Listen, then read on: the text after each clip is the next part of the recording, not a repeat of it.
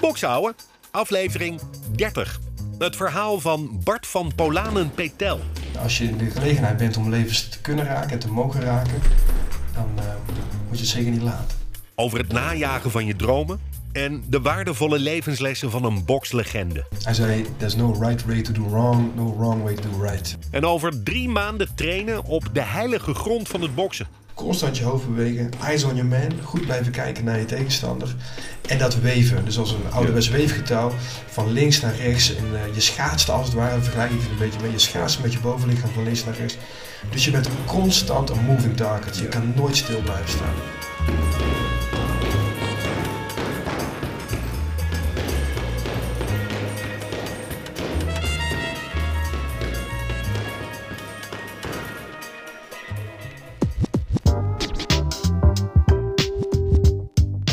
Luistert naar Bokshouden, de podcast over boksen. Vandaag aflevering 30, of als je pas sinds dit jaar luistert, shame on you.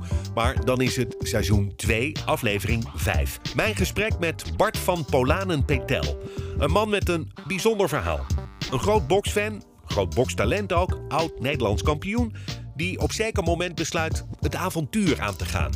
Hij koopt een vliegticket, vertrekt naar Amerika en traint daar drie maanden in de gym van een legende. Een van de grootste boksers aller tijden. Ik ging een tijdje geleden bij Bart op bezoek in een klein dorpje vlakbij Tilburg. Het geluid is misschien niet helemaal wat je gewend bent van deze podcast.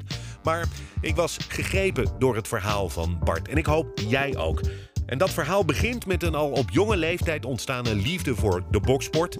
En een voor mij heel herkenbare bewondering voor één bokser in het bijzonder. En dat is weer een bokser die onlosmakelijk verbonden is met de man met wie Bart drie maanden optrok daar in Amerika. Afijn, mijn gesprek met Bart van Polanen Petel.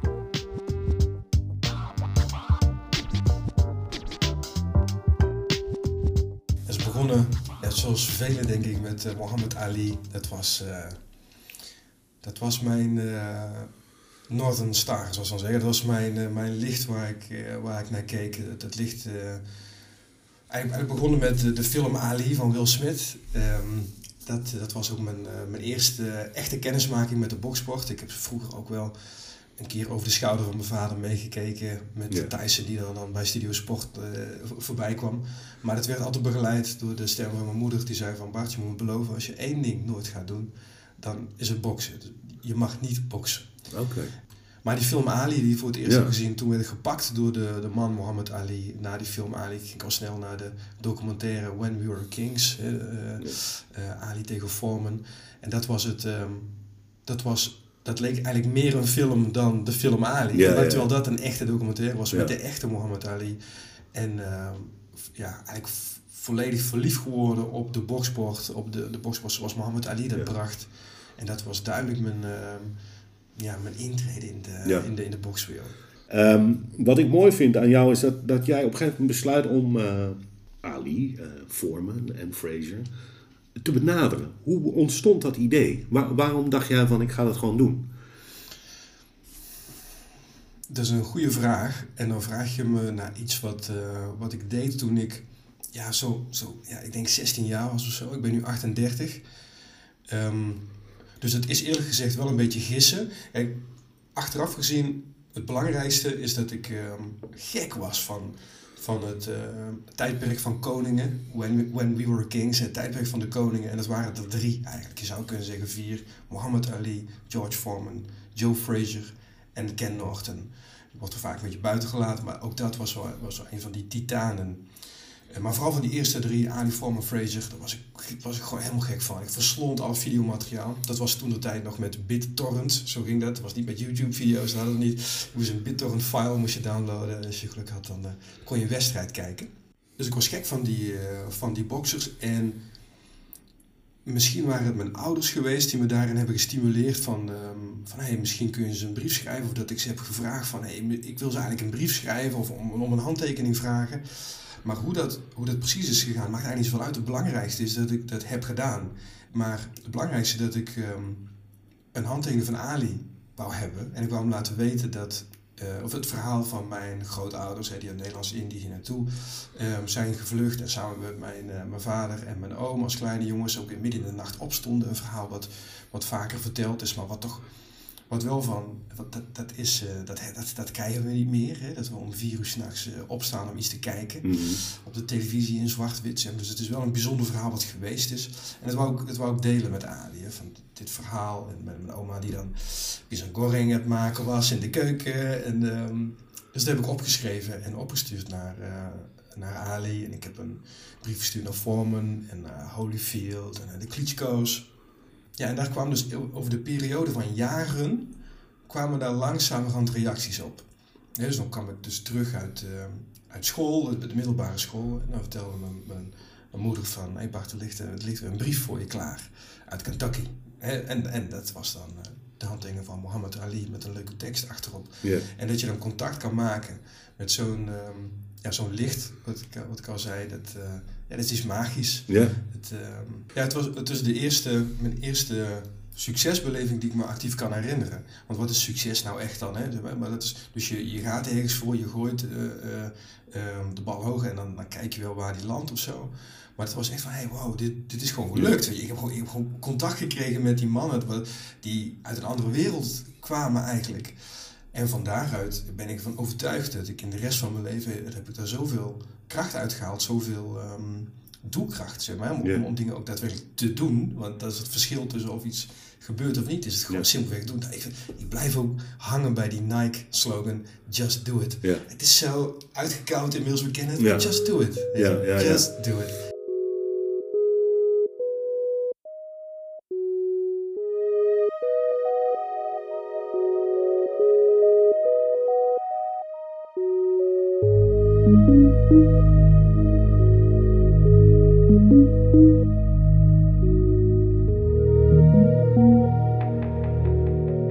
Op zeker moment, eh, als jij dus die boxers benadert, ik begreep George Foreman die, die liet weten dat hij veel te druk was met zijn George Foreman grill of zo. Hè?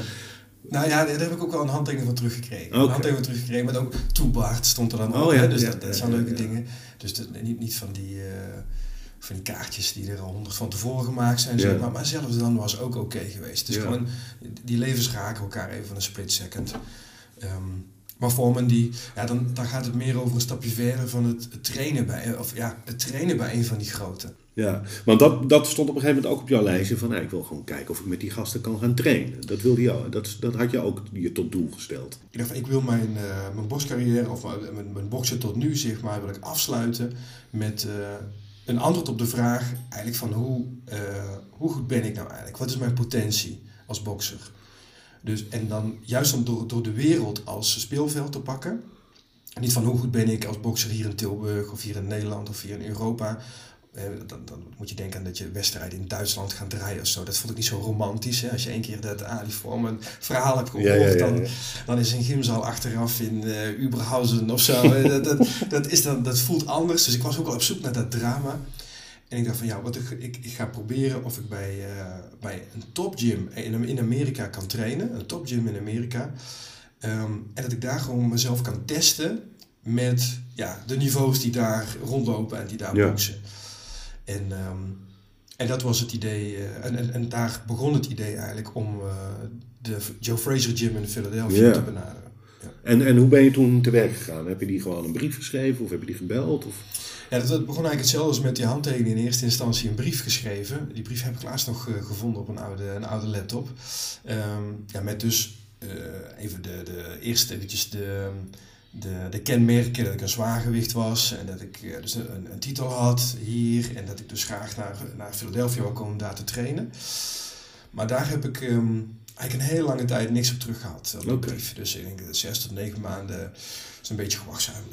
Een hele tijd. Ehm, dus toen eh, ben ik op het internet eh, gaan zoeken. Ehm, en toen kwam ik daar het, eh, het adres van de Joe Fraser Gym dus, eh, dus tegen met, eh, met een telefoonnummer. En ik zat toen bij mijn stageadres nog. Bij, eh, dus daar kon ik gratis bellen. en dat was stom natuurlijk, maar zo simpel was het ook al. Ik kon gratis bellen naar, naar Amerika. Ehm, dus ik pakte de telefoon op en ik, en ik druk gewoon die nummers in. Hè. Dus ja, gewoon just do it. Het is gewoon een kwestie van je, nummer, van je vinger bewegen op zo'n telefoon. En die telefoon ging over. Nou, dat, is al, dat was al goed. Hi, dit is de Joe Fraser Gym. Dit is Barbie speaking. Barbie Daniels, de secretaresse ehm, van Joe Fraser, die eh, nam op. Ze hi, eh, dit is uh, Bart van Planen en ik bel vanuit uh, Nederland. En ik zou graag uh, ja, wil informeren over of ik bij jullie kan Ja. komen trainen of niet. just a second. Even, even wachten. Hi, dit is Joe Fraser. ja. en, en ik, ik voel nog steeds die... ja, het, het, het gevoel wat over me heen kwam van, van overweldiging. van, Ik heb gewoon Smoke Joe Fraser nu aan de lijn. En die, ik had gewoon ontzettend mazzel Ja. dat hij daar was. Want ik heb, ik heb, uiteindelijk heb ik dus drie maanden met hem eh, mogen leven en trainen daar in Philadelphia. En, en achteraf gezien ja, is hij heel weinig daar in dat kantoortje geweest. Ik heb Ja. veel geluk gehad.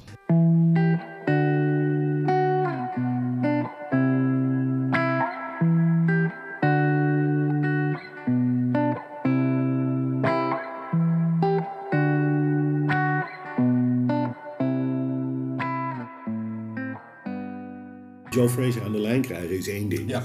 Eh, en dan ben je nog niet daar in, eh, want hoe heet die wijk daar? De Badlands geloof ik, hè, in Philadelphia, waar die gym staat. Ja, het is verschrikkelijk, een verschrikkelijk, eh, verschrikkelijke omgeving inderdaad. Ehm, nee, dat klopt. Ik had in dat gesprek met, met Fraser ehm, vertelde ik wie ik was en, en waarom ik daarheen ehm, wou komen. En ik trof hem op een goed moment, denk ik. Want hij beschreef hoe hij gewend was dat, dat hij boxers groot maakte. Dus hij trainde boxers in zijn gym. En op het moment dat ze een bepaald niveau hadden bereikt, they run, they run off and leave you. Wat hij zei. Dus dan rennen ze weg en dan laten ze gewoon je achter. Ik kan me vo- voorstellen dat het frustrerend is, omdat je als, als box gym ook investeert in boxers. En op het moment dat ze gaan renderen, om het dan maar zo te zeggen, dat ze geld eh, gaan verdienen voor de gym, ja, dan, dan kunnen ze naar een andere manager gaan bijvoorbeeld. En dat is Fre- Fraser dus vaak gebeurd. En hij zei, als jij vanuit Nederland hierheen komt, puur alleen om hier te boksen, ben je van harte welkom. Dan train ik jou. Ik train jou, zei Ja. Fraser. Ehm, dus dat, dat had ik. Hè. Dat, dat had ik in mijn zak. Van, eh, en ik had ook een brief van, eh, van Barbie, die secretaresse dan, waar de zwarte op wit stond. Want, want hoe voer je zo'n gesprek dan? Kon je überhaupt uit je, uit je woorden komen? Want ik kan me voorstellen dat je denkt... Ik Ja, heb hier. Smoking Joe Fraser aan de telefoon, weet je wel. Ja, amper. Nee, dat kon me amper. eh Ja, Aan de telefoon toen, ik had die nummer, dat nummer had ik al ingedrukt. ja. Ik had die, die actie had ik al gedaan en dan bevind je nergens in zo'n situatie. En eh, dat is super spannend. maar ook, ik vind wel, ja, je verrast jezelf dan. Ja, ja, ja. iedereen Ja, aanraakt, het, is eigenlijk al, het is eigenlijk al een eerste overwinning. Dat is het, Ja, absoluut. ja, Zeker ja. weten, ja. Goed, dus jij komt eh, met een brief en een, eh, wat spullen. En, en, en hoe had je dat financieel geregeld? Had je al je spaargeld opgenomen? Of Ja. hoe, eh, Ja, dat is werken. Dus bijbaantje. Ik, ik stond natuurlijk aan de deur al een tijd. En ik woonde nog thuis. Dat is natuurlijk ook fijn. Hè? Dus Ja. ik ben pas op mijn eh 23e toen ik terugkwam, zeg maar, ben ik pas uit huis gegaan. Dus ja, dan heb je weinig kosten, geen kosten. En, ehm, en dan kun je goed sparen. ja. Dus ik heb daar ehm, een paar duizend euro bij elkaar gespaard in een paar maanden, een halfjaartje. En, ehm, en, en daarmee naar Philadelphia. Ja. Waar het leven heel goedkoop was ook. Ik woonde daar in, een, eh, in een motelkamer. Dat was ook de grootste, de grootste kostenpost. Dat was een, een hotel, zoals het genoemd. Dus dat was een afwerkplek voor, eh, voor prostituees. ehm, waar je dus kamers voor een half uur eigenlijk huurde. En ehm, eh, de Indiaanse uitbater van dat hotel, die, die begreep niet goed van wat kom je hier doen en hoe lang wil je hier precies blijven. Toen Ja. er eh, voor, eh, voor het, voor het eh, kogelvrij, kogelvrij glas stond, hè, zo'n grote dik, dik kogelvrij glas in de lobby waar die... Maar hoe, hoe, is dat dan om als een Bartje Tilburg daar binnen te wandelen? Heb je, er moeten momenten zijn geweest dat je dacht van ben ik toch in vredesnaam aan begonnen? Constant, constant. Maar dat begon dus al aan de telefoon. Met inpakken ga ik het dan echt doen en zo. Maar dat is, dat is nog een beetje abstract. Maar dan eh, stap je in het vliegtuig, lange ritten, 14 uur vliegen of zo was het dan in Philadelphia, naar Parijs overstappen. Dan kom je eraan. Ehm, en dan in taxis, zeg maar. In een taxi werd ik eerst naar Hotel 1 gebracht. Dat was het plan dan om daar te gaan eh, verblijven. Dat was, een, dat was nog, een nog veel slechtere plek eigenlijk dan waar ik uiteindelijk ben beland. En dan had ik nog een optie B als hotel, eh, ehm, als verblijfplaats eigenlijk om te, om te verblijven. En dat was op Google Maps. Toen had je nog geen Street View. Dus ik kon alleen zien van bovenaf wat is een, een verblijfplaats die dicht bij de gym is. Ja, dat, ja, ik, dat ja. ik te voet daar naartoe kan. Want vanuit het centrum van Philadelphia moet je met de metro zo. En omdat ik in die gym wilde leven eigenlijk voor die drie maanden lang, wilde ik zo dicht mogelijk erbij zitten. Maar achteraf bleek dus dat het een uh, verschrikkelijk slechte buurt was. Hè. De, Noord-Philadelphia is de, een van de murder capitals, hè, de, de, de moordhoofdsteden van de wereld. Een verschrikkelijke plek. En ehm, ja, die Fraser Gym die zat er daar dus ook middenin. Achteraf, ja, dat noemde, achteraf noemde Fraser dat ook een safe haven. Het was ook een hele veilige plek, die, die gym in, die, in dat oorlogsgebied waar het was. Maar dat wist ik van tevoren niet. Dat kon je ook op Street View niet zien. Ja, je kon alleen dat, uh, dat vogelperspectief wat we nu kennen. Zeg maar. Dat was het enige waar ik mee moest doen. En daar zie je niet uh, de heroïne dealers zeg maar, op de hoek staan. en dat is wel een beetje hoe het was. Dus dat is veel criminaliteit. En jij bent een, een witte jongen uit Nederland. Dus ik nou, jij, jij uh, nou, je hebt een beetje een kleurtje misschien. Maar, maar jij stak daar natuurlijk ook af. Dus je, je, dacht natuurlijk ook van wie is die gast? Dat klopt. Dat klopt. En daar ben ik... Um, ja, het klinkt dan heel stom hè. Maar ik heb van tevoren heb ik me wel voorbereid. Want ik wist al een beetje dat het niet uh, dat het gevaarlijk was. Ik had de documentaire van HBO eh, eh, Beyond the Glory gekeken. Dat was ook, toen zag ik Joe Fraser dus nog dat in zijn eigen gym wat hij les gaf. Dat was ook de trigger van, oh hij doet dat dus nog, dus ik kan hem proberen te bereiken. Um, maar toen ik één keer daar was, toen um, adviseerde ook Fraser zelf, hè, want Fraser heeft me een aantal keer in de Cadillac, is een oude Cadillac zeg maar, zijn we samen een stukje gaan rijden in Philadelphia. Um, onder het mom van dat hij me dan afzette zeg maar, bij, mijn, uh, bij mijn motel. Um, maar toen, de eerste keer dat we dat deden, toen, met Fraser, toen ik naast Fraser zat en we reden zeg maar, richting dat motel, toen uh, kon ik het ongeloof zeg maar, aflezen op zijn gezicht. En hij keek maar van, wacht, wat, wat doe je hier precies? Zeg maar, dus je kon, hè, want, en uh, het, hij zegt, het is hier heel gevaarlijk. En hij heeft me laten zien hoe ik moest lopen. Okay. De route die ik moest, uh, moest lopen. En hij zei hetzelfde wat een andere trainer ook zei in de gym. Hij zei, you look like a cop. Ja, so ja, walk ja. like a cop. Ik was de enige white boy on the block, zeg maar. Dus, uh, um, als, als blanke jongen weet ik, weet ik niet hoe het is om gediscrimineerd te zijn of te worden. Maar daar was het, ja, was het, was het, ja, was het um, was ik de, een exotische figuur. En dat wat, wat raar is, zeg maar. Dat ken ik helemaal niet vanuit Nederland, alles door elkaar. Ik kan me voorstellen dat het ook een, eh, een nou ja, ik zeg, een louterende ervaring is. Nou, in ieder geval leerzaam ook, toch? Zeker, zeker. Angstig ook hoor. Het is zo, ik ben zeker bang geweest. Een, heel, een, een, groot deel van die drie maanden heb ik in angst toch ook wel doorgebracht. Omdat ik uh, uh, eigenlijk alleen in de gym veilig was. Maar op de weg van, van de gym naar het motel word je vaak aangesproken. Um, voor mensen die wat willen lenen van je. Hè, dus maak een dollar lenen. Ja. En hoe ga je daarmee om? Weet je, wat, wat zeg je dan? Dus als je één keer iemand een dollar leent, die kom je nog drie maanden tegen. Dus en die, die gast die vraagt gewoon elke keer. Um, wordt aangeklopt op je deur, weet je om een sigaret uh, te lenen. Um, en terwijl iemand dat aankomt, iemand uh, kijkt binnen, dus je doet de deur open en iemand kijkt gelijk binnen van wat valt er verder te zien of zo. Ik, ik hoorde een vrouw op, op mijn motelkamer, ik ben niet gelovig, maar ik kan me herinneren dat ik met mijn handen ineengevouwen op uh, mijn bedrand zat. Terwijl ik in, achter in de gang hoorde: Help, help, he's got a knife, he's gonna kill me, he's got a knife, help, help. Het was een, een, uh, een uh, hoer, dat was toch wat een professie, kan je het anders noemen, die, um, die dus ontzettend werd bedreigd door een man een paar kamers verder. Ik schaam me er niet voor omdat ik nu hetzelfde weer zou doen. Hier in Nederland was het een ander verhaal geweest. Als het mijn territorium was geweest, zonder wapens, niet in de moordhoofdstad van de wereld, waar ik daar als, als een freak zeg maar ertussen zat. Van, ik hoorde daar helemaal niet thuis. Het was raar dat ik daar zat. De enige verklaring was dat ik misschien een undercover agent was geweest. Maar ik wist van, als ik wil overleven hier, dan moet ik als een vlieg op de muur zijn. Ik moet onzichtbaar zijn. Ja. moet onzichtbaar zijn. En het was zo moeilijk om, om zo laf, om die rand van het bed te blijven zitten en niet daar naartoe te gaan. Maar wat er was, was een vrouw die bereikt werd met een mes. Daar ging ik, ja, wat had ik kunnen doen? Ik had misschien heel veel kunnen doen, ik had alles kunnen doen, maar tegelijkertijd had ik ook mijn eigen doosvondens kunnen tekenen. Dat klinkt wat hard, maar dat was de echte realiteit ja. daar. Still hoping to get in that big one. Ali got it in there. De drie gevechten tussen Joe Frazier en Muhammad Ali behoren tot de meest legendarische uit de boksgeschiedenis. Doctor comes up and looks at Frazier. I think it's going to be over. It's all over. En de vete tussen de twee is al even legendarisch. Joe's gonna come out smoking, and I ain't gonna be joking. I'll be pecking and a poking, pouring water on his smoking.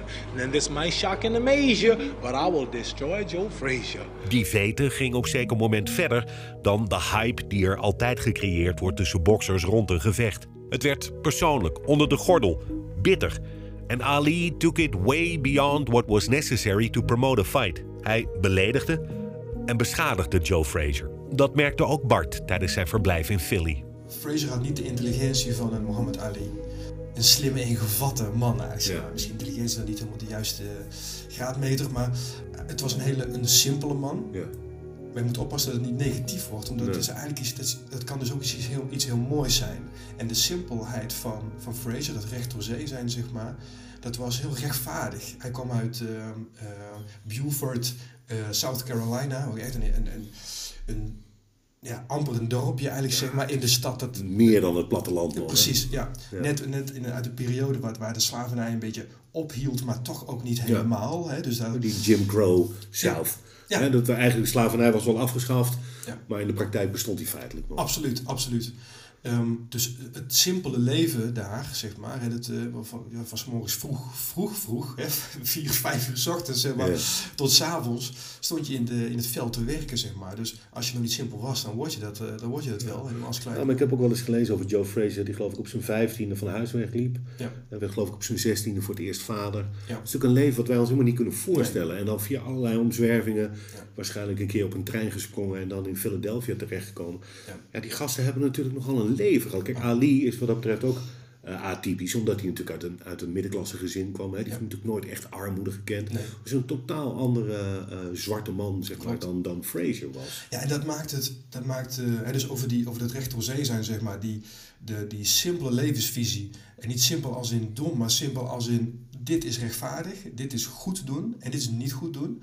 Ehm, door een duidelijke streep daartussen te trekken en ze, en ze van wij staan aan de good side hier, als je hier binnenkomt, zeg maar, hier is alles goed en positief en zijn we aardig voor elkaar, netjes voor elkaar. Zeg maar. Dat botste ook zo hard met Ali natuurlijk, hè, want eh, met die goede inborst van Fraser, daar, daar, daar crashte Ali doorheen. Maar wat je net noemt ook is, wat heel wrang was, en daar komt het gif van Fraser ook vandaan in die veten met Ali, ook op latere leeftijd, en ook tegen mij eh, heeft, we hebben uitgebreid gesproken over eh, hoe trots hij erop was eigenlijk dat, en dat, dat klinkt zo hard, maar dat Ali erbij liep zoals hij erbij liep en hij niet. Ja. Hè, dat, dat klinkt af als buitenstaander van groot hart en je moet toch kunnen vergeven en zo. Maar ehm, in de tijd dat, eh, dat Ali en Fraser tegen elkaar boksten, eh, noemde Muhammad Ali Fraser een Uncle Tom. En dat was een scheldnaam voor eigenlijk een gedienstige zwarte man. Ja, een lakai van de witte man. Exact, exact. En dat, was, dat is zo'n beetje de ergste, het ergste scheldwoord wat je een zwarte man kon geven. Misschien nu nog steeds, dat, kan- dat weet ik niet, Mm. want dat ben ik niet. Maar in ieder geval in die tijd was het zeker een ontzettend gespannende periode. Terwijl, precies wat je net zegt, als je kijkt van wie dat leven van die, van die, van die zwarte man uit die tijd nu echt geleefd had, dan is Fraser kwam uit dat slavernijverleden, kwam uit, dat, kwam uit, kwam uit de slavernij, zeg maar, kwam van die, van die, van die, die cotton fields af. Ehm, waar Ali in zijn leven eigenlijk veel minder geraakt was door Ja. die, ook natuurlijk heel erg heel moeilijk, hè? je gaat eh, verschillende, hoe zeg je het, eh, verschillende situaties met elkaar vergelijken, maar het was eh, zo hard en zo oneerlijk Ja. om Fraser weg te zetten Ja. als een Uncle Tom, eh, de, de, de gedienstige van de witte man, zeg maar. Terwijl hij een leven lang onder het juk van, die, Ja. van de slavendrijvers heeft moeten leven eigenlijk. Ja. Het was zo oneerlijk. And now, here's a word from our sponsor. Dare to be great. Dat is de slogan van Goat Boxing. Een nieuw Nederlands boxmerk dat ik als cornerman mag verwelkomen. Goat Boxing is namelijk sponsor van deze aflevering van Boxouwen. Goat Boxing maakt topkwaliteit bokshandschoenen, pads, t-shirts, bandages, noem maar op. Je vindt ze op goatboxing.com en natuurlijk ook op Facebook en Instagram. Dus like die pagina's even en blijf ook vooral Boxouwe volgen. Want in de volgende aflevering van deze podcast mag ik een paar exclusieve bokshandschoenen van Goat Boxing weggeven. Hoe vet is dat? Goat Boxing. The greatest of all time. Dare to be great. Wil jij nou net als Goatboxing ook in de hoek staan bij Bokshouden? Neem dan even contact met me op. Doe dat via een DM op de Facebook of de Instagram pagina van Bokshouden, de podcast over boksen.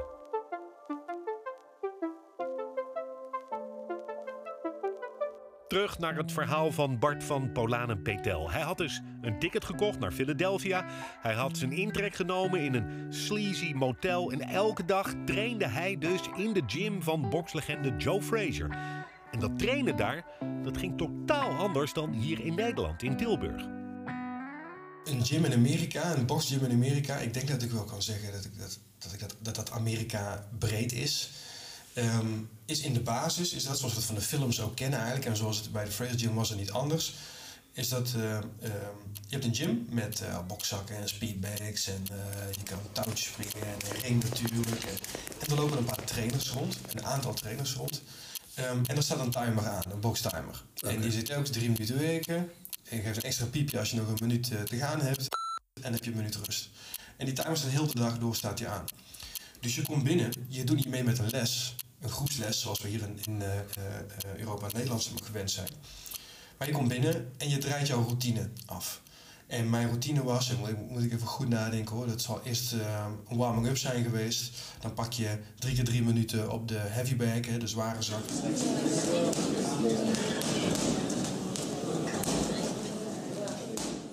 Drie, drie keer drie minuten op de speedbag. Speedbags met dat, dat, kleine box uh, peertje, zeg maar, wat je dan tegen zo'n ding aan, uh, aan uh, ratelt. Ja, dan heb je een, aantal rondes met, je, met, met een van de trainers die daar rondlopen. werken met zo'n trainer dat is, daar, daar, verdienen die daar verdienen de trainers ook hun geld mee. Hè? Dus dat, dat, zou je kunnen als een soort van personal trainers die in een gym rondlopen die, en voor hun diensten moet je dan betalen. Maar toen ik de Fraser Gym binnenkwam lopen, toen kreeg ik een, uh, na het eerste gesprek met Marvis kreeg ik een lifetime waiver. Dus het werd eigenlijk mijn, ik hoefde niet te betalen. Ik, okay. ik, heb, ik heb ook niet betaald voor mijn, voor mijn maandendaags. Ja, ja, ja. Dus het hartstikke leuk dat ik er was. En um, dus dan draai je een aantal rondes met, uh, met de pads. Dan ga je nog uh, touwtjes springen. Wat sit-ups. Een sit-up bank hadden ze daar bijvoorbeeld. En ik heb een treadmill. Op de, op de, op de loopband kun je nog je workout afmaken. Ja. En dan ben je al snel een uur, anderhalf uur ben je al verder. Hè? Je hebt telkens een minuutje rust tussendoor. Ehm, en je kan alles in plaats van drie rondes, kun je het ook vijf rondes ja, maken. Hè? Dus, dus dat bepaal je kan je een beetje zelf. Ja, ja zeker. Ja. En wat een trainer doet, is je bent aan het werken op de, op de heavyweight. Dus je bent op de, de bokzak aan het werken. En dan komt bijvoorbeeld een Joe of een Marvis komt naast je staan. En die komt je tips geven. beetje Weet hier stoten, hoger, lager, sneller, langzamer.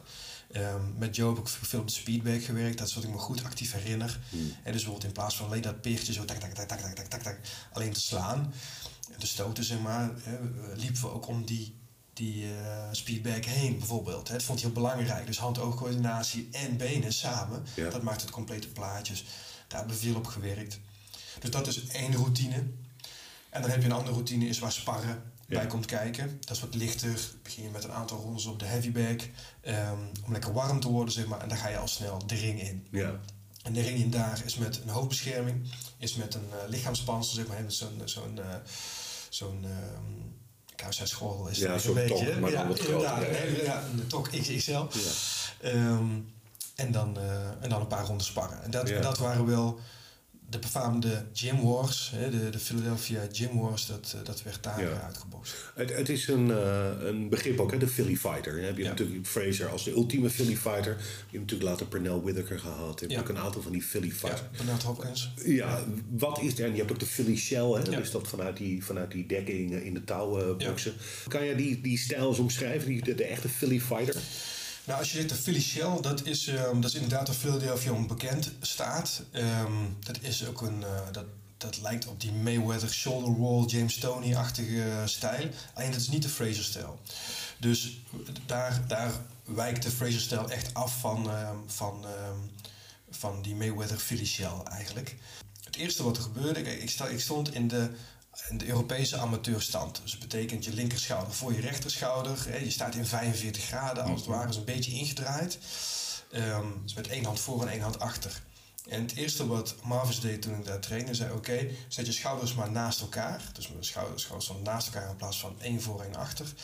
Alle twee de handen aan de kaaklijn. In plaats van één hand wat meer zwevend voor je uit. Hè, zoals Ali dat ook deed. En de Klitschko's en al die bekende amateurboxers eigenlijk. En met de goede jab.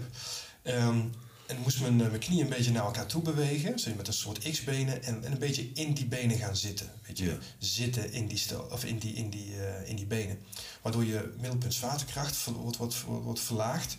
En van daaruit be- ben je eigenlijk als een springveertje sta je opgedraaid. Zo, en die staat, je, wind up, zeg maar. Ja, ja, ja. En je kan op elk moment, kun je vanuit die stand, met je rechterschouder, zelfs misschien een beetje voor je linkerschouder. En dus die staat bijna als een southpaw, als onorthodox, sta je met je bovenlichaam. Terwijl je met je onderlichaam wel orthodox staat, dus links voor, Mhm. rechts achter. Want vanuit, vanaf elk moment kun je die linkerhoek lanceren. Ja. Dus je staat, als je jezelf op kunt draaien, zo'n poppetje zeg maar, dan draai je jezelf op, zo krik. Dat je, met, eh, dat je op elk moment pats los kunt laten en dan lanceer je de linkerhoek. Dus die hele boxstijl van Fraser is gebouwd om de befaamde Joe Fraser linkerhoek eigenlijk. Ja. En wat, wat Fraser daarvan zei, want hij, is ook, eh, eh, hij heeft al commentaar gehad over dat hij Marvis Fraser op dezelfde manier les gaf als hij zelf eh bokste. Want misschien, hè, de ene bokser heeft wat anders nodig dan de andere. Maar de Fraser, Fraser gaf als antwoord van... als je zwaargewicht kampioen wil worden, kun je beter boksen zoals ik bokste. Ja. Want hij is zwaargewichtkampioen geworden met die stijl. Ja. Dus als je aan hem vraagt wat voor stijl of hoe moet ik boksen, nou, laat ik je zien hoe ik het heb gedaan. Dat, of dat klopt, is twee. Fraser was natuurlijk een, in die zin ook een beetje een atypische kampioen. Omdat hij vrij klein was voor een zwaargewicht. Had natuurlijk altijd lastig tegen gasten met een grote reach. Hè. Ali, Foreman, die allemaal ja, die konden hem op afstand houden. Dus die manier van boksen van Fraser, eh, daar, moet je, daar moet je jezelf enorm kwetsbaar opstellen feitelijk. De moed en de durf die dat en het incasseringsvermogen die dat vraagt, ja, daar kan je bijna geen voorstelling van maken. Daar heeft hij natuurlijk ook de prijs voor betaald. Ja. Maar betekende dat voor jou dat jij ook op een, eh, op een hele andere manier moest gaan leren boksen eigenlijk? Want je moest alles afleren. Compleet anders, ja. Compleet anders. En dat is precies de reden waarom ik daar kwam. En ik ben zo, zo dankbaar nog steeds voor dat, dat ik dat heb eh, mogen meemaken.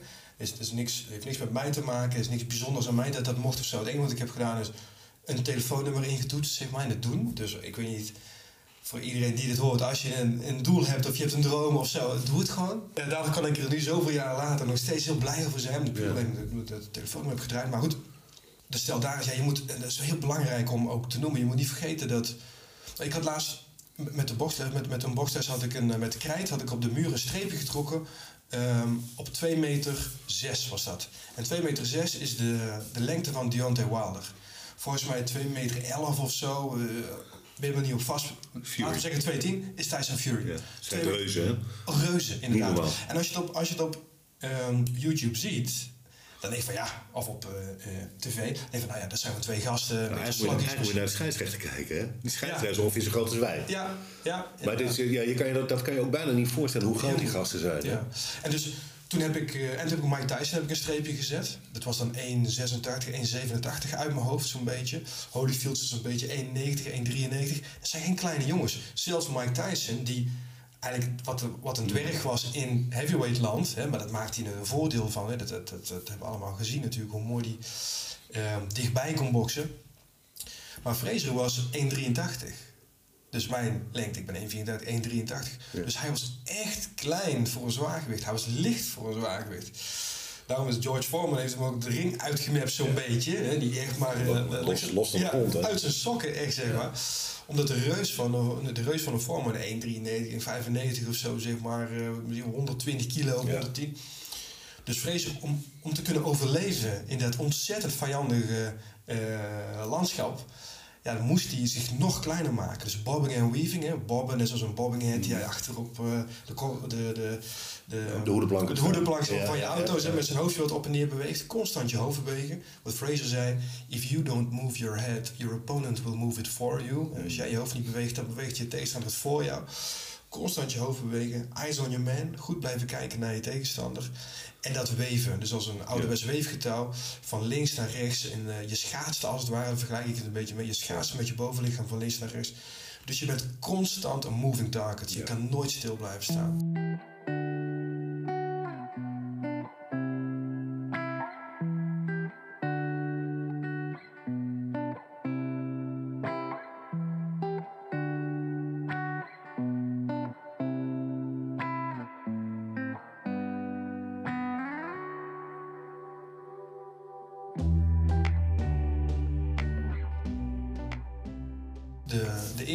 Marvis uh, ging trainen, hadden een, uh, want ik had natuurlijk keihard getraind naar die drie maanden toe. Hè, dus ik was echt in vorm. En uh, we hadden de eerste sessie erop zitten van, ja, dan ben je uren bezig samen.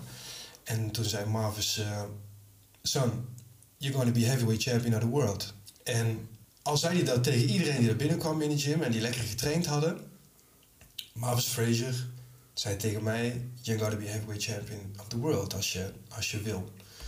En uh, eerlijk gezegd was daarmee mijn missie al volbracht. In een uithoek van Rusland, waar uh, een een of ander uh, obscuur kroeg, als Joe Fraser daar binnen zou komen lopen, dan doen de meneren doen netjes hun hoed af voor meneer Fraser.